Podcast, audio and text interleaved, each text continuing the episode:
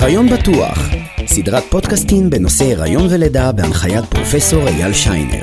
הפודקאסט בחסות אולי סייפקר, מוצרי טיפוח בטוחים, יעילים ומפנקים למסע היקר של ההיריון ולאחריו. הפודקאסט אינו מהווה תחליף לייעוץ רפואי.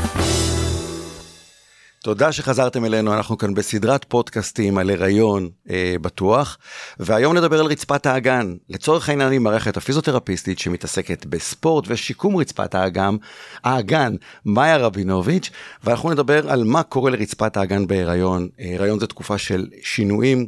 אה, יש שינוי של המסה ושל ההורמונים ומשהו קורה לרצפת האגן. אז על מה נדבר? על מה קורה שם? למה זה קורה? תופעות נלוות? מה אפשר לעשות? על זאת ועוד תהיו איתנו. שלום מאיה. בוקר טוב, מה נשמע? איזה כיף שאת איתנו כאן היום. גם לי. אז מאיה, בואי תספרי לנו בעצם מה זאת רצפת האגן. אוקיי, אה, אז אני רגע קודם כל אה, אציג את עצמי, אה, שמי מאיה רבינוביץ', אני פיזיותרפיסטית שעוסקת גם בתחום האורתופדיה והספורט, ובכובע השני שלי תחום פיזיותרפיה נשית, רצפת האגן, וכל עולם ההיריון והלידה. אה, יש לי קליניקה בקיסריה ואנחנו מטפלים בהמון המון אה, מטופלות, מטופלים, והיום אנחנו ככה בכובע הנשי, אה, ומבחינתי זה שליחות להעביר את הידע, אז קודם כל תודה שהזמנת אותי ואיזה כיף. בשביל זה אנחנו פה. לגבי רצפת האגן, באמת על מה כולם מדברים? בעצם קבוצת שרירים שנמצאת באמת בתחתית של הגוף, בגלל זה היא נקראת רצפה. אם לא היה לנו אותה תאורטית האיברים היו נופלים למטה. היא קשורה לאיכות חיים שלנו, היא קשורה לכל עניין היציאות, היא קשורה ליחסים, היא כמובן קשורה אה, סביב עולם הלידה אצל אה, נשים, אה, ואצל גברים היא גם קיימת, אז גם את זה חשוב להגיד. נכון, אבל היום אנחנו מתרכזים בנשים, זה בעצם המקום שגם נמצא הפרינאום. נכון. אז uh, צריך לקחת בחשבון שבעצם uh, רצפת האגן uh, סוחבת את כל האיברים הפנימיים שלנו uh, ואת הרחם כל אה, חיינו. כשאנחנו בעצם נכנסות להיריון, אה, הרכב אה, מגדיל מאוד את הגודל שלו, המשקל של העובר הולך וגדל, יחד עם זה שליה, מי שפיר וכולי, ובעצם מי שסוחבת את המשקולת הזאת שגדלה משבוע לשבוע ומחודש לחודש, זאת רצפת האגן, בעצם אותם שרירים שעובדים מאוד קשה. בסוף תשעת החודשים האלו, אה, שהיא בעצם עוברת באמת אה, התעייפות, הולכת אה, ומתקדמת, היא הולכת ונחלשת, כי זה מאוד כבד, ויש לנו גם קוקטייל הורמונים, שבעצם מרגע ההפריה, מהרגע שזרע פוגש ביצית, מתחיל כאן להתפזר בגוף, הרבה פעמים שואלות אותנו, למה זה קורה כל כך מוקדם?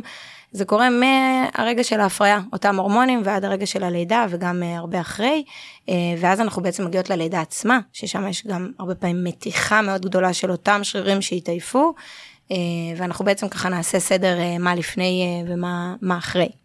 אמ, רק לגבי ההורמונים אני רוצה להגיד שבאמת זה קוקטייל, הגדרת את זה יפה, אבל כן. בגדול זה הפרוגסטרון, שזה הורמון שהוא תומך הריון, פרו-גסטון, פרו זה בעד, ג'סטון זה gestation, וההורמון הזה גורם לרפיון של שרירים.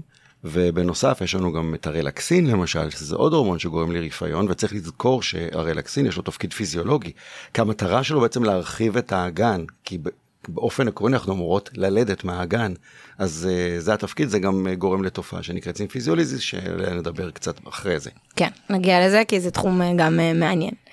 אה, אז אם אנחנו מדברים ככה על מה קורה לנו בהיריון עצמו, ברגע שאותם הורמונים שדיברת עליהם, פרוגסטרון, רילקסין, מהמילה relax, הגוף ככה מתחיל להיות מאוד רפוי, מאוד מתוח, המשקל הולך וגדל, uh, וביחד יש לנו שרירים שבעצם הרבה פעמים לא עומדים בעומס.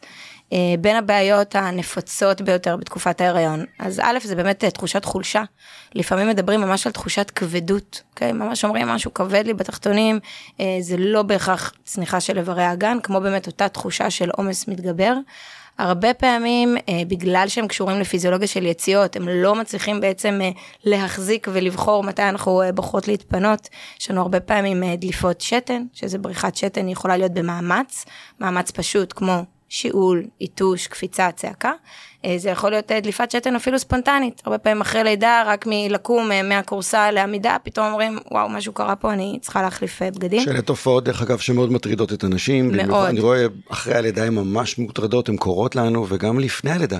לפעמים יש חשש שזה אולי דליפת מי שפיר, ובעצם מתגלה שזה דליפת שתן. נכון, אז באמת, אם אני ככה חושבת על הדברים הכי נפוצים בהיריון עצמו, זה באמת תחושה כללית של חולשה או כבדות, תחושה של לפעמים באמת בריחת שתן. שתן, איזושהי דליפת שתן, בין אם היא במאמץ, בין אם היא ספונטנית, וכמו שאמרת, זה איזושהי כוכבית של להפריד, אפשר להדגיש ככה איך אנחנו באמת יכולים לזהות אם זה מי שפיר, אני תמיד אומרת, לפי הריח, תמיד אפשרות טובה.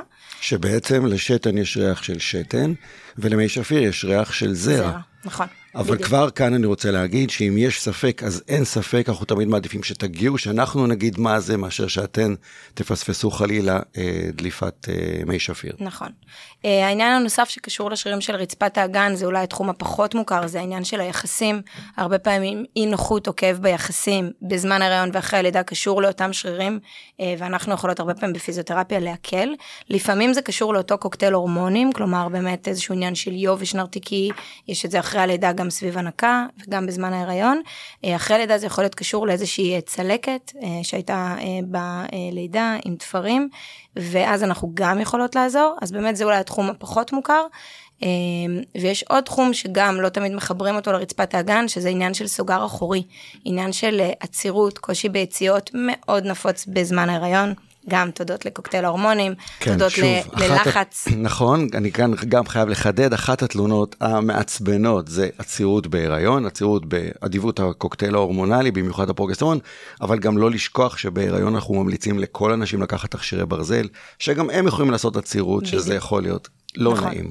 ויש לנו גם לחץ מכני ממש של הרחם, כלומר הרחם שבעצם הולך וגדל מצד אחד לוחץ על סוף המעי הגס ומשפיע לנו על הקושי ביציאות וזאת העצירות, ומקדימה הוא לוחץ על שלפוחית השתן והרבה פעמים גורם לנו לתחושה שכל הזמן אנחנו צריכות לרוץ לעשות פיפי.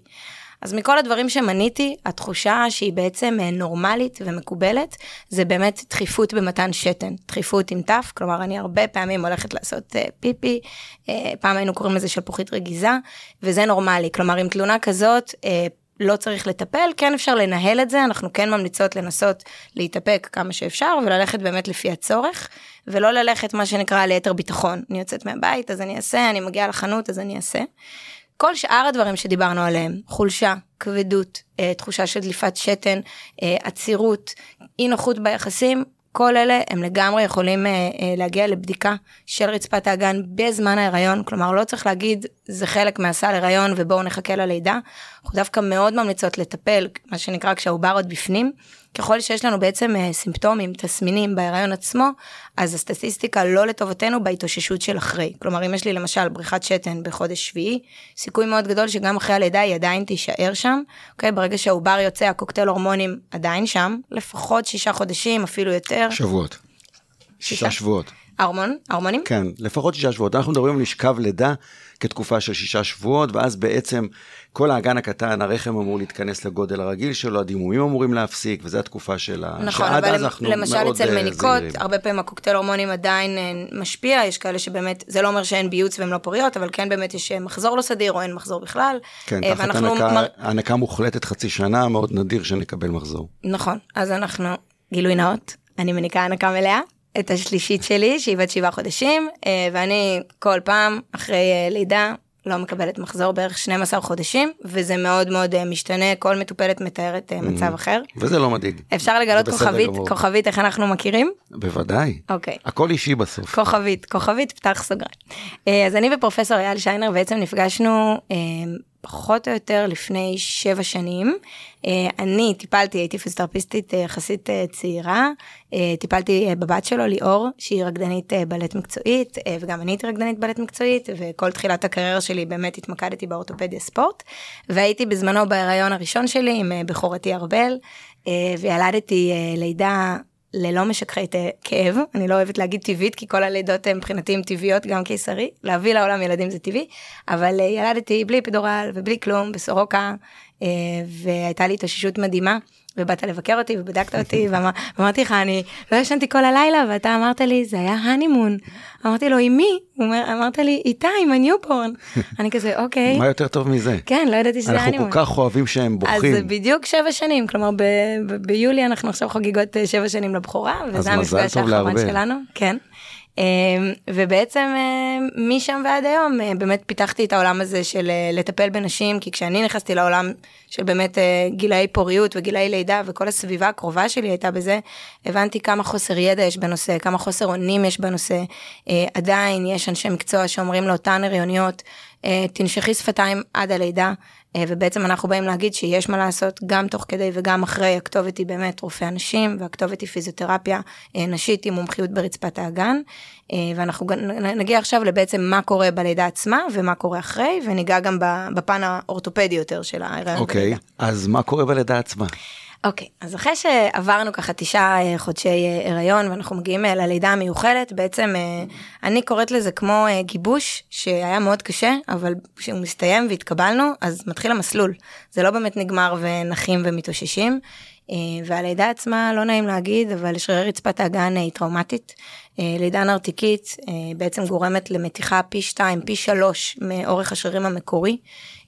הרבה פעמים, לא תמיד, אבל הרבה פעמים אה, בעקבות המתיחה הגדולה הזאת יש קרעים. הקרעים יכולים להיות ספונטניים, כלומר מעצמם, או באיזשהו חתך יזום, מה שאנחנו קוראים אפיזיוטומיה, שלרוב המיילדת מבצעת, שבעצם אה, רוצה לשמור על היולדת אה, ולאפשר ככה יציאה יותר מהירה ויותר בטוחה לעובר החוצה. מבחינתנו, כמו כל שריר שנפצע אה, במרתון תל אביב, אם אנחנו קוראים שריר או פוצעים שריר, אנחנו לרוב נטפל בו ונשקם אותו. אה, וגם על זה אני מאוד ממליצה בהרבה מקומות באירופה, בארצות הברית, אה, אחרי שישה שבועות הם מגיעים גם אליכם, רופאי אנשים, לביקורת, וגם אלינו, לפיזיותרפיסטות רצפת הגן, אנחנו בעצם בודקים דברים שונים. אולי חשוב שנגיד אה, מה אתה בודק בסיום משכב לידה ומה אני בודקת, ובעצם משם אני שואלת את היולדת מה מפריע לה, איזה תחושות, ואנחנו מכוונים את הטיפול לפי זה. לפעמים שום דבר לא מפריע. אנחנו מסמנים וי בסוף המשכב לידה, וככה יוצאים לחיים, אני קוראת לזה סמך סמך, חוזרים לספורט וחוזרים לסקס. אבל זה באמת מאוד מאוד uh, משתנה, uh, וצריך לזכור שגם שרירי הבטן, גם שרירי רצפת האגן, תשעה חודשים הם עברו שינוי משמעותי, לפחות תשעה חודשי התאוששות, על פי דעתי המקצועית, מה גם שאנחנו לא ישנות בצורה איכותית, אנחנו מטפלות uh, בתינוק קטן, זה עבודה פיזית, זה, יש פה עניין רגשי כמובן שנכנס, ותנו לעצמכם באמת ליווי של אנשי ונשות מקצוע מתאימות שיעזרו לכם ככה לדעת מה נורמלי ומה לא. אז אם באמת יש תחושה של אה, עצירות, אם יש תחושה של כאב, אם יש תחושה של חולשה, זה מאוד מאוד נורמלי סביב אותם שישה שבועות. אה, אני כן ממליצה לנסות לנהל את זה, כלומר לנסות לנהל עצירות, בין אם זה עם תזונה, אה, בין אם זה התפנות עם שרפרף תחת כפות הרגליים, שמשפיעה על הזווית, אז אנחנו ממש מניחות שרפרף מתחת לכפות רגליים בזמן הישיבה על האסלה, שתיית מים מרובה, שמאוד עוזרת למנוע את העצירות, ומההתחלה אני ממליצה ליולדות לא להתאפק כבר בבית החולים, לא להתאפק, לא לפחד, יש חשש מאוד גדול בעצם להתפנות, לדחוף, ללחוץ, בגלל הלידה. ככל שאנחנו נמנעות, אה, בעצם היציאה מתייבשת ועוד יותר קשה להוציא אותה. אז זו נקודה אחת שחשוב לדבר עליה, כמה שזה נושא לא נעים, אה, זה כל כך משפיע על היולדת בשבועות הראשונים. לגבי אני חולשה... אני רוצה רק, אה, פשוט דיברת על כמה דברים שאני רוצה להכניס טיפה תובנות מהזווית של הגינקולוגים. מעולה. אז קודם כל לגבי הלידה עצמה. דיברת על אפיזיוטומיה, דיברת על קרעים, אז צריך uh, להזכיר שהמחקרים היום אומרים שעיסוי פרינאום משבוע 34 uh, אה, עד, עד למועד הלידה, עיסוי בשמנים טהורים, uh, מוכח כיעיל גם כמפחית uh, צורך באפיזיוטומיה בלידה רגילה וגם כמפחית קרעים. אז אנחנו ממליצים לכל אנשים על עיסוי אה, פרינאום. דרך אגב, החברה שנותנת לנו חסות, אולי, עושה את אחד השמנים האלה, תרכובת של שמנים. אז זה אחד הדברים שחשוב לדעת. ולגבי אה, עצירות, אה, זו, זו, זו נקודה מאוד מאוד חשובה, אז גם שתייה של הרבה הרבה מים, כמו שאמרת, וגם תזונה מותאמת. אני חייב להגיד שאחרי ניתוח קיסרי זה גם, אה, גם שם קורה משהו לרצפת האגן, למרות שזה באמת בצורה פחותה, אבל למשל בבתי החולים אנחנו לא משחררים נשים לפני שהייתה יציאה. אנחנו רוצים לראות שהכל בסדר, אה, ואם זה לא, זה לא עובד לבד, אנחנו אפילו נותנים לפעמים איזשהו חוקן קטן. כן. אז uh, הזכרת לי שתי נקודות חשובות, אחד זה על הקיסרי ושתיים זה על המעבר עצמו uh, uh, בהכנה ללידה, אז אני רגע חוזרת אחורה. אנחנו מאוד מאוד ממליצות על עיסוי פרינאום, אני שמחה שהמחקרים תומכים, יש על זה דיונים. מה שאני כן יודעת שהמחקר תומך זה בזמן הלידה עצמה אה, הניסיון של המיילדת שמאוד משפיע, ורטיות חמות, איזה שהם אה, בד חם, מגבת חמה, כלומר ברגע שאנחנו מחממים את אזור הפרינאום במהלך הלידה, בעצם מרחיבים את כלי הדם, עוזרים לאזור להיות רפוי, אה, וזה מאוד עוזר ללידה עצמה. כל המיילדות, דרך אגב, אל תדאגו, הם, הדבר הראשון שהן עושות, שהן עושות זה לדאוג לרצפת האגן. הן מגינות על הפרינאום, מגינות על אותה רקמה שמחברת את מוצא אה, דרכי השתן למוצא דרכי הצואה.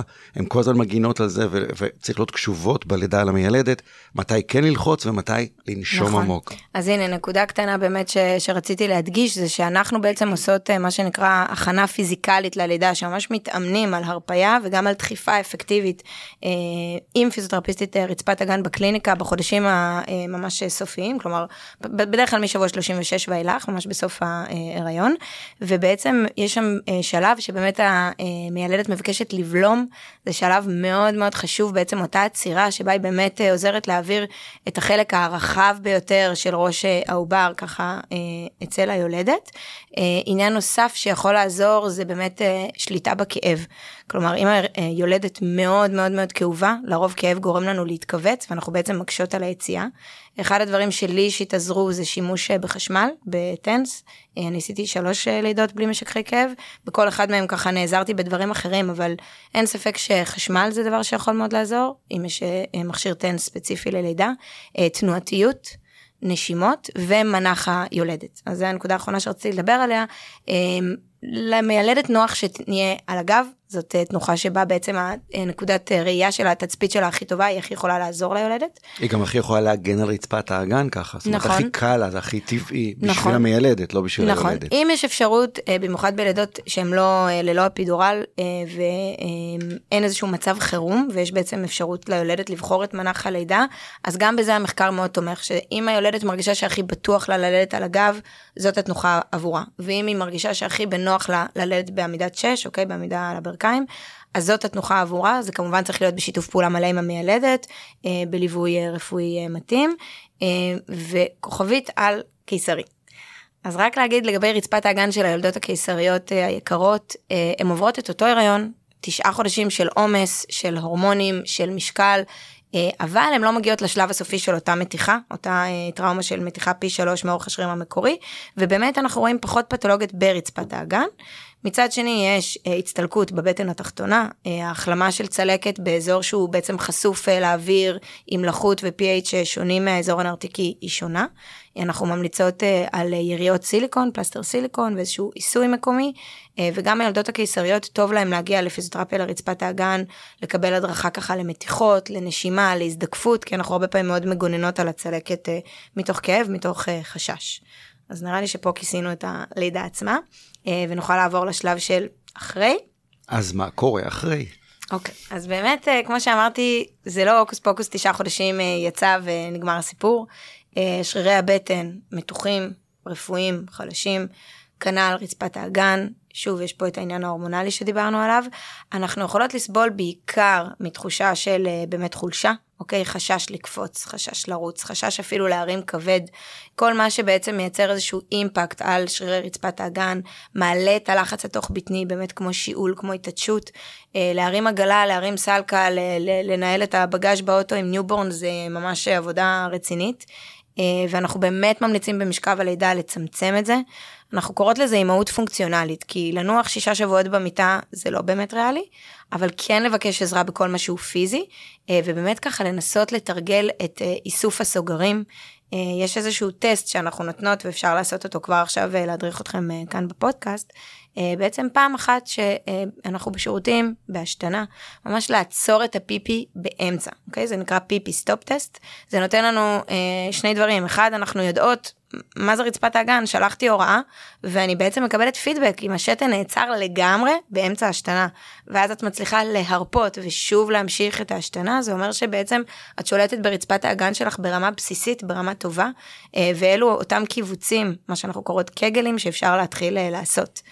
כמה חזרות, באיזה עוצמה, זה כבר באמת משתנה, אוקיי? אין פה מתכון גנרי של תעשו 30 ביום, אבל זה כן משהו שכדאי להתחיל אה, באמת בשלב א', ואפשר לעשות את זה מהלידה, כלומר עוד בבית החולים לשכב אה, במיטה ולעשות את זה בימים הראשונים זה לא נחשב פעילות גופנית זה משהו מאוד מאוד אה, בסיסי אה, וזה דבר אחד שאנחנו מדריכות כבר אחרי הלידה. דבר נוסף שאני רוצה לדבר עליו זה באמת עניין הכאבים האורתופדיים. באמת סביב ההריון והלידה חגורת האגן, גב תחתון, מפרק האגן הקדמי והאחורי יכולים מאוד לסבול. כל אחת זה משתנה, זה יכול להיות בשבוע צעיר, שדווקא הבטן קטנה, כי לרוב זה קשור באמת לשינוי ההורמונלי. אה, תחשבו שכל מפרק עטוף ברצועות, והכל הופך להיות ככה אלסטי בזכות הרלקסין. אה, ויש תופעה שנקראת symphysiolysis, מילה ארוכה ומרשימה. symphysiolysis. נכון, אחת בעצם... התופעות השכיחות. אה, שאנחנו רואים אותה בעיקר בהריונות חוזרים, אבל גם בהריון ראשון, ויכולה באמת להתחיל מאוד מוקדם, והיא מאוד מטרידה. נכון. מה זה בעצם? אז זהו, אז חשוב באמת לדייק מה מרגישים, כי היום כמעט כל הריונית מגיעה אליי עם הכותרת הזאת מדוקטור גוגל, ולרוב אנחנו לא, לא תמיד קולעות לעניין, אז צריך רגע לדייק מה זה ההבחנה הזאת. אה, זה כאב קדמי.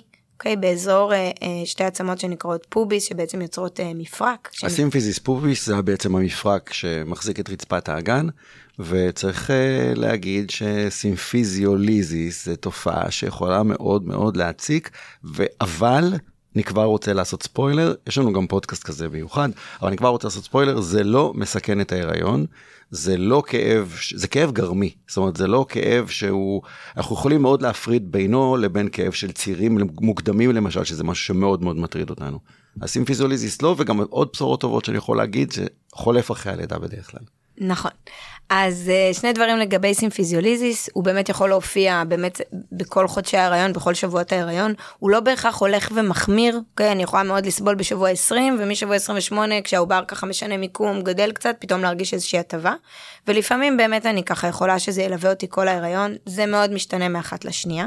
זה כן יכול אה, להופיע בהיריון אחד, והסיכוי שזה יופיע בהיריון הבא גדל, כלומר הסטטיסטיקה קצת לא לטובתנו, אבל המנעד מאוד מאוד גדול. כלומר זה יכול להיות כאב קל באמת במפרק הקדמי, כאב באזור המפשעות, באזור מקרבי הירך, באזור הבטן התחתונה, זה כאב שקשור לרוב למפרק ה symphysis pubis.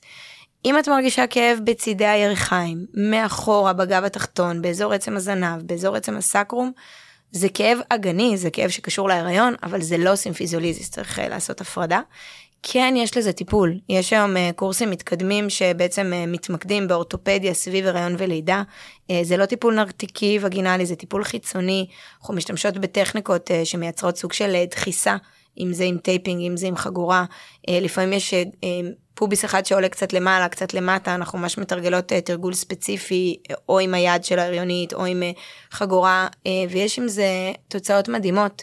אה, אז גם פה הריוניות לא צריך לסבול, לא צריך לחכות עד הלידה, אה, וצריך לזכור שזה באמת עניין אורתופדי, שלא משפיע באמת על מהלך אה, ההיריון. זה כן לעיתים משפיע ב symphysiolysis קשה על תנוחת הלידה. לפעמים אנחנו נבחר שלא לייצר פיסוק מאוד מאוד גדול, או תנועה לא סימטרית מאוד מאוד גדולה, אצל הריונית מאוד כאובה, כי אנחנו רוצים שהיא תתאושש אחרי הלידה ותוכל לטפל בתינוק שלה.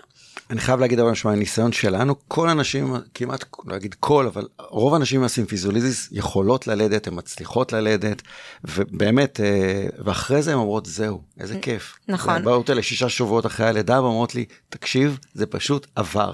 אוקיי, okay, אז אליי מגיעות האלה שלא. אני חושבת שבאחוזים, באמת האחוזים הגבוהים, גבוהים באמת אה, אחרי הלידה מרגישות שיפור משמעותי, לדעתי סביב ה-80 אחוז לפחות. ה-20 אחוז הנותרים יכולות להרגיש אי נוחות, לרוב רמת הכאב יורדת. אה, ושוב, כל עוד קוקטל ההורמונים בדמנו, כל עוד אנחנו עדיין חלשות, עדיין מניקות, עדיין אה, מתמודדות ככה עם מפרק שהוא לא יציב, אוקיי? לוקח זמן לרלקסין ולפרוגסטרון להתאזן, אנחנו עדיין יכולות באמת לקבל טיפול אורתופדי שיעזור. באמת צריך לזכור שתנועה שהיא לא סימטרית, כלומר רגל אחת קדימה ורגל אחת אחורה, כמו לעלות מדרגות גבוהות, כמו ללכת בצעדים גדולים, אה, מכרעים, לאנג'ים, אלה דברים שמאוד משפיעים על אותו מפרק. אז אנחנו פשוט אומרות לאותן הריוניות, תישארו סימטריות, תנסו להיות קצת יותר קומפקטיות, גם בחזרה שלכן אה, לפעילות גופנית, ועל זה יש לנו פודקאסט אה, נפרד עתידי. עוד דבר שחשוב לדבר עליו אחרי הלידה זה באמת הדליפת שתן במאמץ. עד היום מגיעות אליי... דליפת שתן במאמץ, רק אה, אני רוצה להבהיר, זה, מאמץ אה, יכול להיות באמת, כמו שאמרת, איתוש, אפצ'י, ויכול להיות uh, כל, כל מאמץ שמעלה את ה, בעצם את, את הלחץ התוך בטני. Uh, יש לי מטופלת שהיא רוקדת ריקודי עם, וריקוד הרואה הקטנה למשל, היה אסון מבחינתה. מלא קפיצות. כן, הרבה קפיצות. כנראה לא מכיר את הכוריאוגרפיה, אבל היא פשוט uh, התלוננה ספציפית על המחול הזה. אוקיי, okay, אז זה קפיצות וזה חוזרני, אוקיי? Okay? אז יש פה עניין של גם כוח מתפרץ, אוקיי? Okay? בקפיצה, רצפת הגן צריכה לעבוד בצורה ככה מהירה ופתאומית, לעומת זאת קפיצות חוזרניות, אז יש פה גם כוח מתפרץ וגם סיבולת אחד על השני, וזה באמת קשה, זה דומה לקפיצה על חבל. אז אם הייתי בונה את זה ככה מהקל אל הקשה, באמת בהתחלה דברים כמו אפילו לקום וללכת יכולה להיות איזושהי דליפה. אחר כך זה באמת בפעולות יום יום, עיתוש, צחוק, שיעול, במיוחד שפתאום יש איזה וירוס שיעולים, או פתאום איזה וירוס הקאות, ואומרים לי כאילו מה קורה, וזה באמת רצפת האגן לא עומדת אה, באותו לחץ. אחרי זה זה פעולות מתקדמות, באמת קפיצה, ריצה. אה, קפיצה על חבל, מי שעושה אימון פונקציונלי, אז קפיצות עם פתיחת רגליים וידיים, jumping אה, jacks, הרבה קרוספיטאים וככה מתאמנות אה, מדברות עליהם. וגם פה אנחנו בונים בעצם את החיזוק בהדרגה. זה שנשכב על הגב ונעשה קיבוצים לרצפת האגן כמו שעשינו אחרי הלידה, זה לא ישרת אותנו כשאנחנו צריכות לקפוץ ברועה הקטן או על חבל, אנחנו צריכות לתרגל בעמידה, אנחנו צריכות לתרגל איסוף רצפת הגן וקפיצה. Uh, בקליניקה זה נראה כמו חדר כושר, אנחנו נתרגל על בוסו ועל טרמפולינה. מה uh, זה בוסו? בוסו זה חצי פיתה עגולה, כמו חצי עיגול, שאפשר לרוץ עליו ולקפוץ עליו. Uh, אנחנו נתרגל בהתחלה לנפח דברים, לנפח שקית סנדוויץ', יותר קל מלנפח כפפת מנתחים, ויותר קשה לנפח בלון, שכבר יש התנגדות. כלומר, אנחנו נתרגל כל מיני דברים שמעלים את הלחץ התוך בטני בזמן טיפול, עם הפידבק של הפיזיותרפיסטית ושל המטופלת, אה, ושם אנחנו נתחזק אה, בהדרגה. זה בעצם אימון פונקציונלי לרצפת האגן. אה, אין שום סיבה להישאר עם התחושה הלא נעימה הזאת, בערך 30% מהנשים עדיין מדווחות על סימפטומים ברצפת האגן, שנה אחרי לידה נרתיקית. אה, אני יודעת שיש ארצות, בעיקר בדרום אמריקה, אני שמעתי לא מזמן על ברזיל, כן, שמעדיפות ללדת אה, קיסרים. בקיסרי. נכון, אז... שכיחות הניתוחים הקיסריים, חיתוכי הדופן במדינות כמו מקסיקו וברזיל, אה, הרבה יותר גבוה מאשר בארצות הברית, וכמובן יותר גבוה משבישראל, שהוא עדיין... נשאר יותר נמוך. נכון, אז אנחנו באמת בעולם של הפיזיותרפיה לרצפת הגן, אה, תמיד נמשיך להמליץ על הלידה הפיזיולוגית, הנרתיקית, הווגינלית, אה, שלשם בעצם הפיזיולוגיה שלנו נועדה אה, ללדת ולהוציא את העובר, כמובן. שבכל המקרים שבהם אי אפשר ללדת, אה, כמובן במצבי החירום, אבל גם בקיסרי המתוכנן מסיבות כאלה ואחרות, אה, מצג עכוז אה, וסיכונים וכולי, אנחנו נלד בקיסרי, זה לא אופציית הבחירה שלנו, וגם לקיסרי יש את ההתאוששות שלהם, שוב, דופן שרירי הבטן לוקח לו, לוקח לו זמן להתאושש. מאוד מאוד חשוב לי אה, לציין שהמעבר אצל פיזיותרפיה לרצפת האגן הוא לרוב מעבר קצר. בדרך כלל מקבלים איזשהו אבחון אה, והרבה שיעורי בית. אה, מפגש ביקורת, פעמיים, שלוש, אלא אם כן יש משהו אה, יותר דרמטי כמו כאב ביחסים, כאב סביב הצטלקות, אה, שדרך אגב יכול לקרות גם לפני הריון ולפני לידה, יש לנו כל מיני מצבים של אה, כאב ביחסים, למי שסובלת מזה אז מושגים כמו וסטיבולידיניה וווגיניזמוס, דברים שאנחנו מאוד אה, מטפלות בהם בקליניקה, אלא אם כן יש משהו כזה, זה לרוב סדרת טיפולים מאוד קצרה, נותנים הרבה ידע לאותה אה, יולדת, הרבה תרגול עצמי, נפגשים עוד פעם, פעמיים ומתאימים את רמת הקושי למה שהיא מתארת ש... אה, קשה לה, אה, והשיפור הוא באמת אה, מדהים. אה, נקודה נוספת שחשוב לדבר עליה, שנראה לי לא התעמקנו בה, זה תחושה של כבדות, שהרבה פעמים קשורה לצניחה של איברי האגן, אז אני רגע אשמח שנתמקד, כי מרגישים את זה הרבה פעמים אחרי הלידה. יולדות מתארות לי טיול בעגלה והליכה נמרצת, והיא הרגישה נורא טוב, התחילה ללכת מהר, והתחילה ללכת מהר, ופתאום מרגישה שהופ, פשוט משהו נופל אל התחתונים. לפעמים ממש מתארים, כאילו הרגשתי שמשהו יוצא, הרגשתי שאני יולדת שוב, הרבה פעמים מרגישים את זה ממש בניגוב, מרגישים איזשהו כדור, עגבניית שרי, לפעמים כדור טניס, אוקיי? זה לא תחושות רגילות, אה, זה תחושות שמצריכות אה, בדיקה. אנחנו בעצם רוצים לבדוק מה מאיברי האגן צנח, האם זאת השלפוחית, האם זה צוואר הרחם, האם, האם זה סוף המעי הגס. לעיתים יש צניחה של המדור הקדמי, שזה אנחנו קוראים לזה בעגה רפואית ציסטוצלה, שזה בעצם בליטה של השלפוחית. Mm-hmm. לפעמים מרגישים את צוואר הרחם, לפעמים זה החלק האחורי ואז זה רקטוצלה. אה, ולפעמים זה בכלל חולף, זאת אומרת, אה, אני רואה הרבה נשים מתלוננות על כל מיני ממצאים שבסך הכל כשהרחם מתכנס אחרי ששת השבועות האלה המדוברים, זה משתפר לגמרי באופן אה, ספונטני, כמובן תמיד כשיש ספק אין ספק לבוא לבדוק, אבל אני, בדרך כלל הצניחות האלה פשוט מתכנסות וחוזרות להיות כמעט כמו שהיו לפני. נכון, אז מה שבאמת זה כוכבית ליולדת, שהרבה עמידה, בעצם כשכוח הכובד מופעל על רצפת האגן, הוא יכול להוביל לתחושה כזאת של צניחה וכבדות. d'autres אה, הכי פשוט לעשות בעצם היפוך של כוח הכובד, אז פשוט לשכב על הגב, לכופף ברכיים ולהרים את האגן, את הישבן למעלה לכיוון התקרה, בעצם לשפוך ככה את איברי האגן לכיוון בית החזה. זה דבר ראשון שאני ממליצה ליולדת אה, מוטרדת.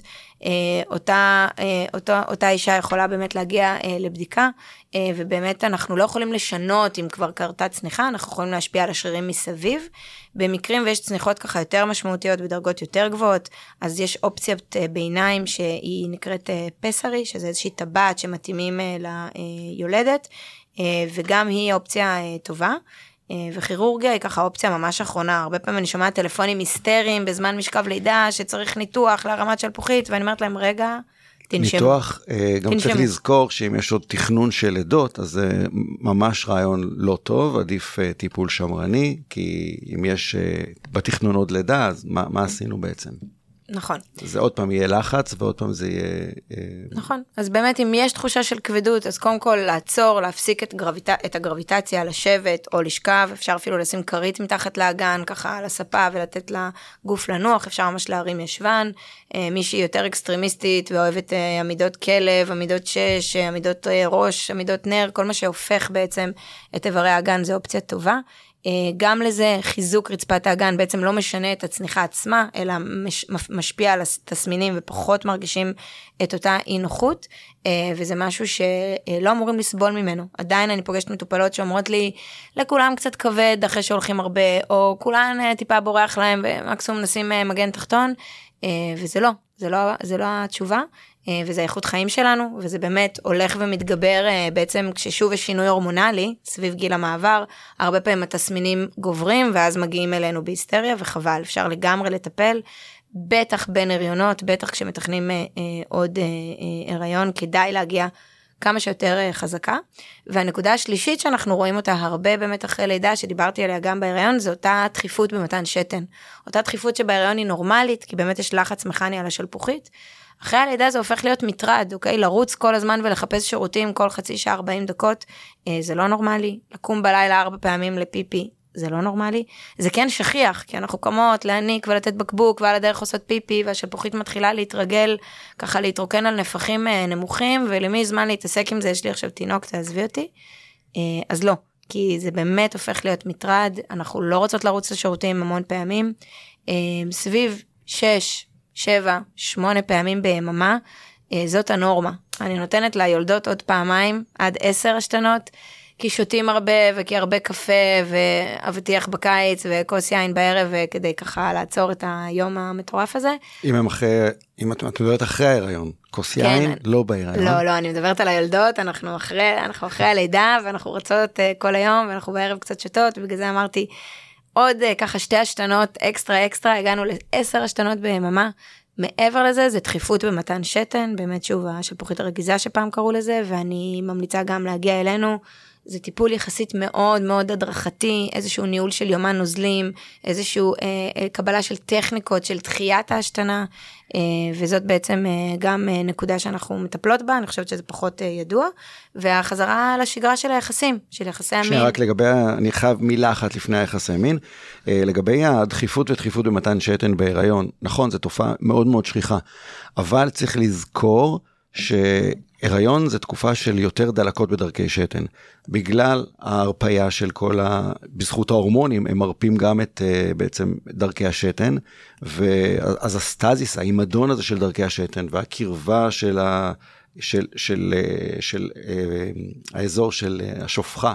לרקטום, גורם להרבה יותר דלקות בדרכי השתן, ואחת התופעות הראשונות זה דחיפות ודחיפות, אז לכן אנחנו מבקשים תמיד לשלוח תרבית שתן, לפני שאנחנו אומרים, אוקיי, זה, זה חלק תקין ממהלך ההיריון, כי דרכי השתן חייבות, דלקת דרכי השתן מחייבת טיפול אה, אנטיביוטי בהיריון. אוקיי? עכשיו אפשר להגיע קדימה ליחסי המין. רגע, רוורס על הדחיפות, כי דיברנו על דחיפות עם תף, אז רק מילה על דחיפות אה, מהמילה דחוף, אוקיי? אם אני צריכה פיפי ואז אני חייבת לעצור הכל, אם אני עכשיו באמצע הפודקאסט לא יכולה לעצור וחייבת להגיד לך בוא נעצור הכל אני חייבת לרוץ לשירותים זה גם מטרד מאוד גדול הרבה פעמים אה, יש משהו שנקרא סימן המפתח אה, התאפקתי יפה מהעבודה בפקקים ברמזור בחניה עליתי במדרגות הוצאתי את התיק וכשאני ממש מכניסה את המפתח למנעול הבית והשירותים מעבר לפינה שם היולדות אה, מדווחות לי על לא הספקתי או ממש אני כבר בפנים ואני מנסה להוריד את המכנסיים ו... זה, זה קורה רגע לפני שבחרתי בעצם להרפות. אה, זה בגלל ששרירי רצפת האגן אמורים להיות אסופים כל זמן שאנחנו באיפוק, ורפואיים אה, בזמן שאנחנו בשירותים, בזמן שאנחנו בוחרים להרפות.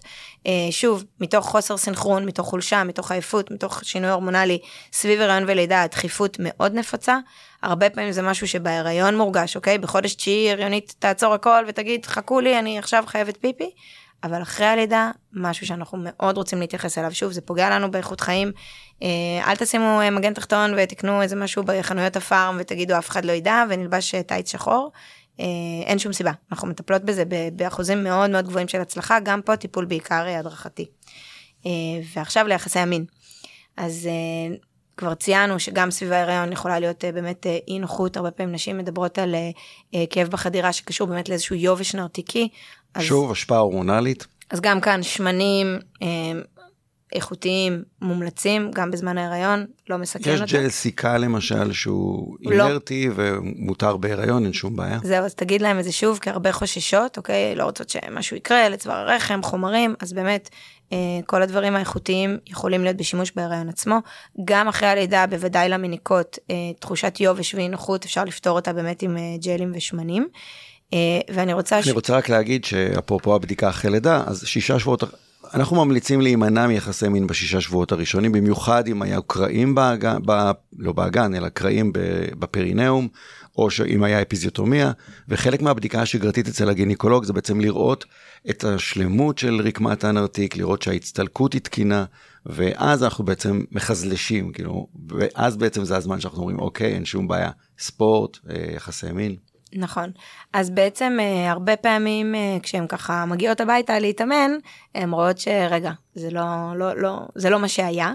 אה, ושם בעצם אנחנו נכנסות לתמונה בעצם בבדיקה אצלנו בקליניקה בסיום משכב לידה אנחנו גם בודקות באמת את אזור התפרים במידה והיו בין אם זה חתך יזום או ספונטני הרבה פעמים אנחנו רואות רקמה שהיא כאובה עם הידבקויות, אה, אדומה, רגישה למגע, ואם אה, במגע הכי פשוט ועדין יש אי נוחות, לפעמים מדווחים על רגישות בשטיפה וסיבון במקלחת, או בניגוב בשירותים, אז בוודאי שביחסי מין יש שם אי נוחות וכאב, אין שום סיבה לנשוך שפתיים, לרוב עם מתיחות ועיסוי מקומי, עם קיבוץ בהרפאיה של האזור ועוד עיסוי, בעצם סוג של עיסוי פרינאום, רק לא כמו הטרום לידה אלא פוסט לידה, אה, מאוד מאוד עוזר, רוב ההריוניות שלנו משתפרות מאוד מהר כשהכאב הוא מקומי וסביב אה, אה, הצלקת, אנחנו ממליצות על זה בחום.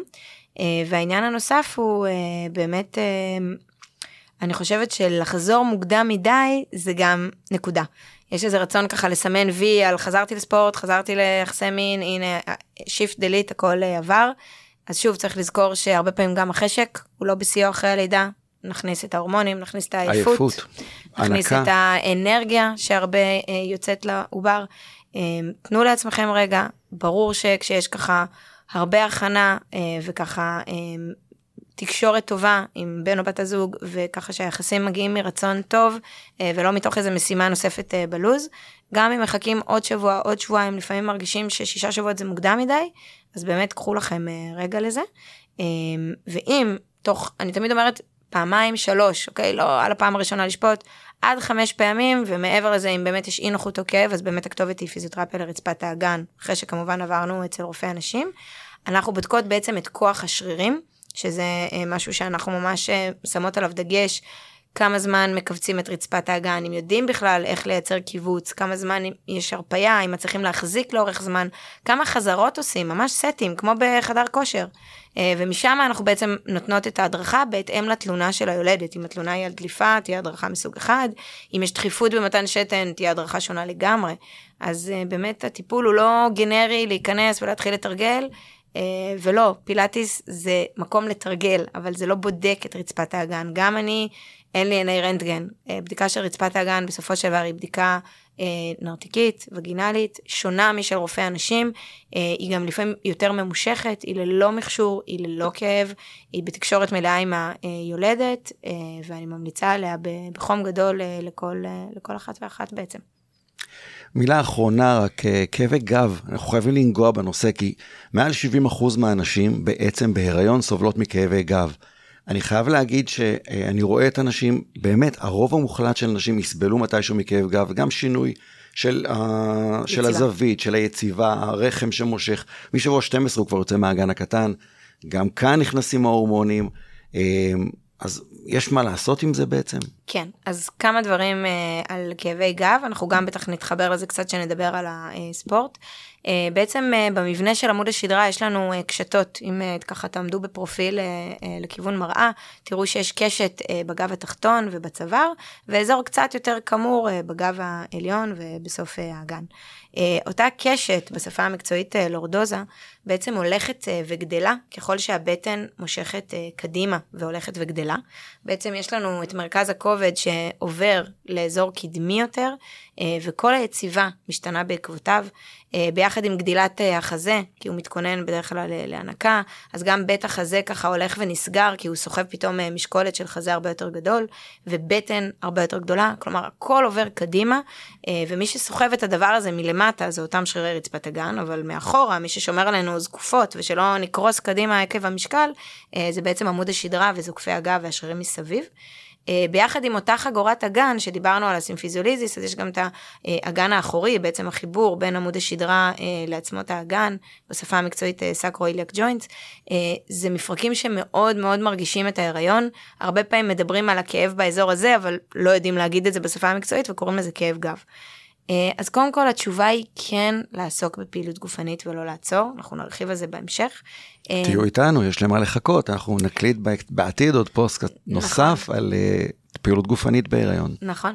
מעבר לזה, אני חושבת ששמירה ככל הניתן על משקל הריון תקין בטווח הנורמה בהתאם למשקל שבו התחלת את ההיריון, זה לא איזשהו מיתוס, אבל ככל שהמשקל כבד, לגוף כבד, הגוף סוחב יותר, מי שסוחב זה הגפיים התחתונות, הרגליים והאגן וחגורת הגב התחתון. אה, צריך לזכור את זה שאנחנו מנסות כן לנהל משקל הריון תקין. אה, למרות שלפעמים יש אה, פרצים של בא לי גלידה ושוקולד באמצע הלילה עם מלפון חמוץ, תנסו לנהל משקל הריון תקין, כמובן עם שמירה על תזונה בריאה, ולו בשביל לנהל את כאבי הגב, זה לא יעלים את זה, אבל זה כן יכול לתרום לזה.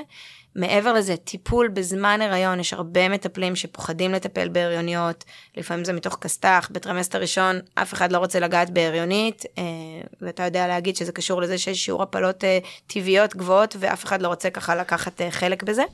עד 20% מההריונות הסתיימו בהפלה, רוב ההפלות מתרחשות בטרימסטר הראשון, ולכן זו תקופה שאנחנו יותר חוששים לגורל ההריון. לגבי כאב גב, צריך לדעת שיש פעילויות גופניות שיכולות לעזור עם כאב הגב, נכון. כמו למשל שחייה. נכון, אז גם אם אנחנו בעצם אה, שחייה, אין בה משקל גוף ויש בה חיזוק שרירים, אז היא נהדרת.